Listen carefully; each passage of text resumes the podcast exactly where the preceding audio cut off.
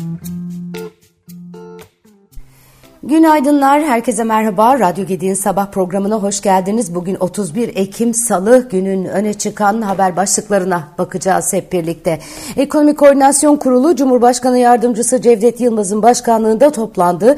Yatırım taahhütü, avans kredileri, kurumların dış finansman kullanım kapasitesi ve yastık altındaki altınların ekonomiye kazandırılması ana gündemleriyle düzenlenen toplantının ardından yapılan açıklamada para ve maliye politikalarının e, etkin şekilde kullanımı yoluyla enflasyonla mücadelenin kararlılıkla sürdürüleceği mesajı verildi.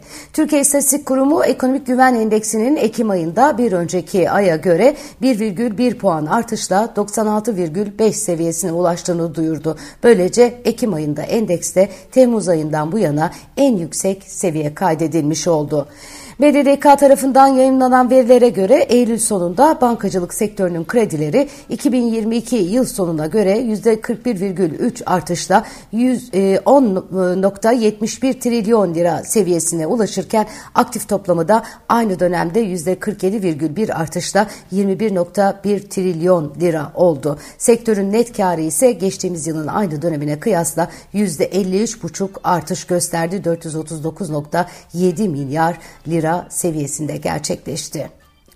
Türk İş tarafından yapılan açlık ve yoksulluk araştırmasının sonuçlarına göre Ekim ayında 4 kişilik bir ailenin açlık sınırı 13.684 liraya, yoksulluk sınırı ise 44.573 liraya yükseldi. Aynı dönemde gıda fiyatları ise aylık bazda %2,62, yıllık bazda %84,29 artış kaydetti.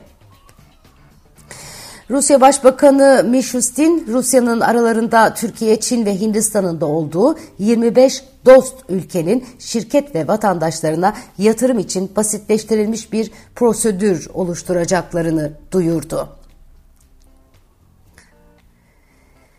Evet, e, ana başlıklar bu şekilde. İsrail, Türkiye, Filistin Dostluk Hastanesi'ni vurdu. İsrail-Filistin arasındaki çatışmalar devam ederken e, bugünün manşetlerine o taraftan yansıyan haberlerden bir tanesi bu. Bir diğeri de Hamas'ın e, rehinelerin videolarını paylaşmış olması. İsrail, Gazze'deki Sağlık İdaresi'ne ait Türkiye-Filistin Dostluk Hastanesi'ni bombaladı diyor haberler. İsrail savaş uçakları hastanenin 3. ve son katını vurarak ağır hasar verdi.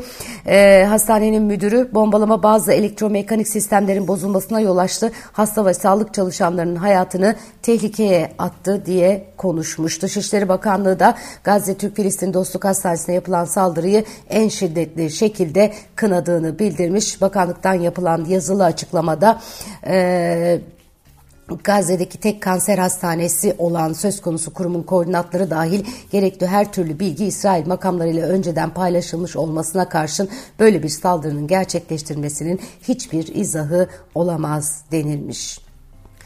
Bu arada Amerikan haber kanalı CNN, Amerika'nın Orta Doğu'ya gönderdiği ve Kızıldeniz'de bulunan amfibi gemisinin Doğu Akdeniz'e doğru ilerlediğini duyurdu. CNN'in isminin açıklanmasını istemeyen Amerikalı yetkiliye dayandırdığı habere göre Amerika'nın Ağustos ayında Orta Doğu'ya gönderdiği 26. Deniz Piyadeleri Sefer Görev Birliği'ni taşıyan USS Batan amfibi gemisi geçen haftanın sonlarında Süveyş kanalına doğru ilerlemeye başladı. Yetkililerden biri Ağustos ayından bu yana Kızıldeniz'de konuştuğu geminin yakın zamanda zamanda Doğu Akdeniz'e varacağını kaydetti. Bu adımla geminin İsrail ve Lübnan'a daha yakın bir konuma geleceğini kaydeden yetkililer geminin bir görevinin de sivillerin tahliyesine yardımcı olmak olduğu aktarıldı.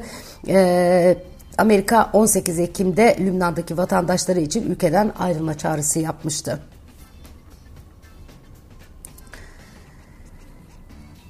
Ee, evet biraz önce bahsetmiştim Rusya dost ülkelere yatırım kolaylığı e, sağlayacak diye 24 ee, Şubat 2022'de başlayan Ukrayna Savaşı sonrasında kendisine yardım uygulayan ülkeleri dost e, e, yaptırım uygulayan ülkeleri dost olmayan ülkeler olarak tanımlamıştı. Dost ülkeler ise 25 adet ki içlerinde Türkiye'de var. Uluslararası Enerji Ajansı Başkanı Fatih Birol, petrol ihracatçısı ülkelerin Orta Doğu'daki krize dahil olması halinde bunun piyasaya ciddi etkisinin olacağını söylemiş. E, dünyaya petrol ihracatının yaklaşık üçte biri bu bölgeden geliyor. Arzla ilgili bir sıkıntı dünya ekonomisini hemen etkileyecektir. Şu anda petrol piyasasında ciddi gerginlik var ama fiyatlarda büyük bir zıplama olmadı. Önemli ihracatçılar direkt bu krize dahil olursa bunun e, petrol piyasasına etkisi ciddi boyutlara ulaşabilir. 2023 itibariyle dünya petrol talebi, talebi büyüyor. Büyümenin %80'i de Çin'den geliyor. İkincisi de arz açısından Suudi Arabistan ve Rusya'nın başını çektiği bir grup ülke petrol sevkiyatını kısıtladılar. O bakımdan ciddi bir daralma var. Fiyatlar şu anda 90 dolar civarında. Bu zaten yüksek bir rakam ama petrol ihracatçıları krize direkt dahil olursa fiyatlar 3 haneye çıkabilir diye konuşmuş. Dünya Bankası da çifte şok uyarısı yapıyor. Emtia piyasaları görünüm raporunu açıklamış Dünya Bankası. 2023 e, sayısında bu raporun jeopolitik risklerin gölgesinde e, başlığı yer alıyor. Raporda Orta Doğu'da yaşanan son çatışmaların son yıllarda sıra dışı şokların etkileriyle mücadele eden emtia piyasalarında önemli bir belirsizlik yarattığı aktarılmış. Banka raporunda Rusya'nın Ukrayna'da başlattığı savaşın neden olduğu aksaklıklar üzerine Orta Doğu'daki son çatışmanın e, tırmanmasının küresel emtia, emtia piyasalarında çifte şoka neden olabileceği ve emtia piyasalarını tehlikeli sulara itebileceği uyarısında e, bulunuluyor e, petrol arzında küçük bir aksama olması durumunda petrol fiyatlarının varil başına 93 ila 102 dolar aralığına ulaşmasını öngördüklerini de kaydetmişler. E, tıpkı e, Uluslararası Enerji Ajansı Başkanı Fatih Birol'un söylediği gibi Dünya Bankası da e, dikkat diyor. Almanya ekonomisi 3. çeyrekte daralmış. Yılın 3. çeyreğinde %0,1 daralan Almanya ekonomisi e, önceki çeyrekte %0,1'lik bir büyüme kaydetmişti. E, analistler 2024 yılında 0,5'lik bir büyüme öngörüyorlar. E, enflasyondaki soğuma ve artan ücretlerin tüketim kaynaklı toparlanmayı tetiklemesi de e, yine beklentiler içerisinde. Evet veri takvimi bu hafta çok yoğun demiştim. Ee, yine e, bugün e, ABD tarafında dördüncü çeyreğe ilişkin e, rakamlar, e, tahminler e, geliyor olacak. İçeride TÜİK e, Eylül ayına ilişkin nihai dış ticaret verilerini yayınlayacak. Ticaret Bakanlığı tarafından yayınlanan öncü verilere göre Eylül ayında ihracat %0,3 artışla 22 milyar 670 milyon dolar, ithalat ise %14,1 azalarak 27 milyar 658 milyon dolar seviyesinde gerçekleşmişti. Bugün Euro bölgesi büyüme ve enflasyon verileri yurt dışında açıklanacak. Amerika'da da Conference Board Tüketici Güven Endeksi verisi ve Japonya'da Bank of Japan tarafından alınacak olan faiz kararları takip ediliyor olacak. Merkez Bankası zorunlu karşılıktan alınacak komisyon detaylarını açıklamış. Geçen hafta yaptığı sadeleştirme e, adımlarının zorunlu karşılık üzerinden komisyon alımı çerçevesini çizen uygulama talimatını bankalara göndermiş.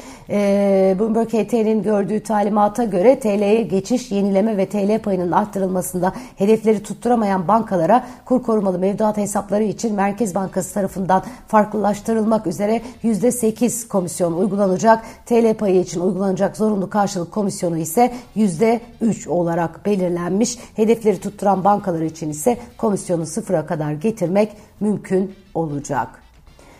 Ee, Çin'de imalat faaliyetinin beklenmedik bir şekilde e, daraldığı görülüyor. Ee, Çin imalat faaliyetinin Ekim ayı endeks verileri ekonomistlerin 50,2 beklentisine karşın 49,5 gelmiş.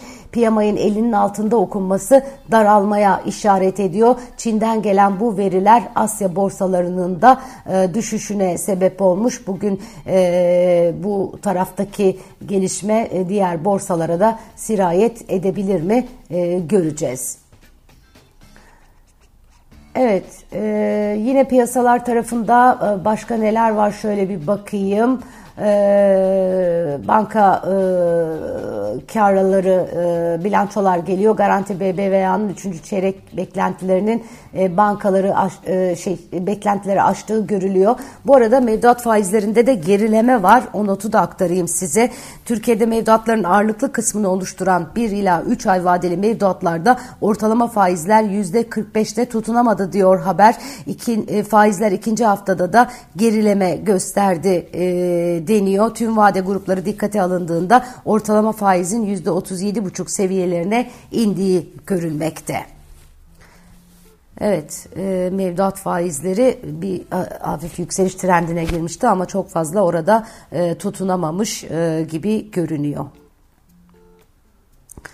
Evet, başka neler var? Şöyle bir bakıyorum. Ee, iki bölgede sağanak diyor meteoroloji. Ege ve Akdeniz bölgeleri gök gürültülü sağanak yağışlı olacakmış. Diğer bölgeler ise az bulutlu ve açık geçecek. İstanbul bugün parçalı bulutlu 23 derece. Ankara kısmen güneşli 25 derece. İzmir parçalı bulutlu 26 e, derece e, olarak e, görülüyor. İzmir'de biraz yağmur da olabilir gün içerisinde. Dün hakikaten yazdan kalma bir gündü. Nefis bir hava vardı. Bugün nispeten biraz güneş güneşten e, yoksun ama yine iyi bir e, hava e, olacak gibi görünüyor. Evet son bir not aktarayım size. E, Messi'ye e, şey vermişler e, yine e, söyleyin adını. Yıldız e, futbolcu e, title'ı diyelim. E, şöyle ki e, altın top la ödüllendiriliyor. Sekizinci kez bu topu alıyor. Messi Avrupa futbolunun bireysel anlamda en prestijli ödül, ödülü bu. Ballon d'Or e, Fransızcası altın topun. Paris'te e, bir kez daha Messi'nin oldu. 60, 67. Özül, ödül törenine e, Théâtre du Chalet ev sahipliği yapmış. Törenin e, sunuculukları, sunuculuklarını e, Sandy Herbert ve bir dönem Galatasaray forması giyen eski futbolcu Didier Drogba üstlendi deniyor. E, FIFA 2022 Dünya Kupası'nda Arjantin milli takımıyla şampiyonluğa ulaşan 36 yaşındaki Messi kariyerinde 8. kez bu ödülün sahibi olmuş. E, böyle yanar dönerli de bir kostüm giymiş. Pek bir şık görünüyor e, Messi. Evet altın topun sahibi. Güzel bir gün diliyorum. Yarın yine sabah programında Radyo Gedik'te buluşmak üzere. Hoşçakalın.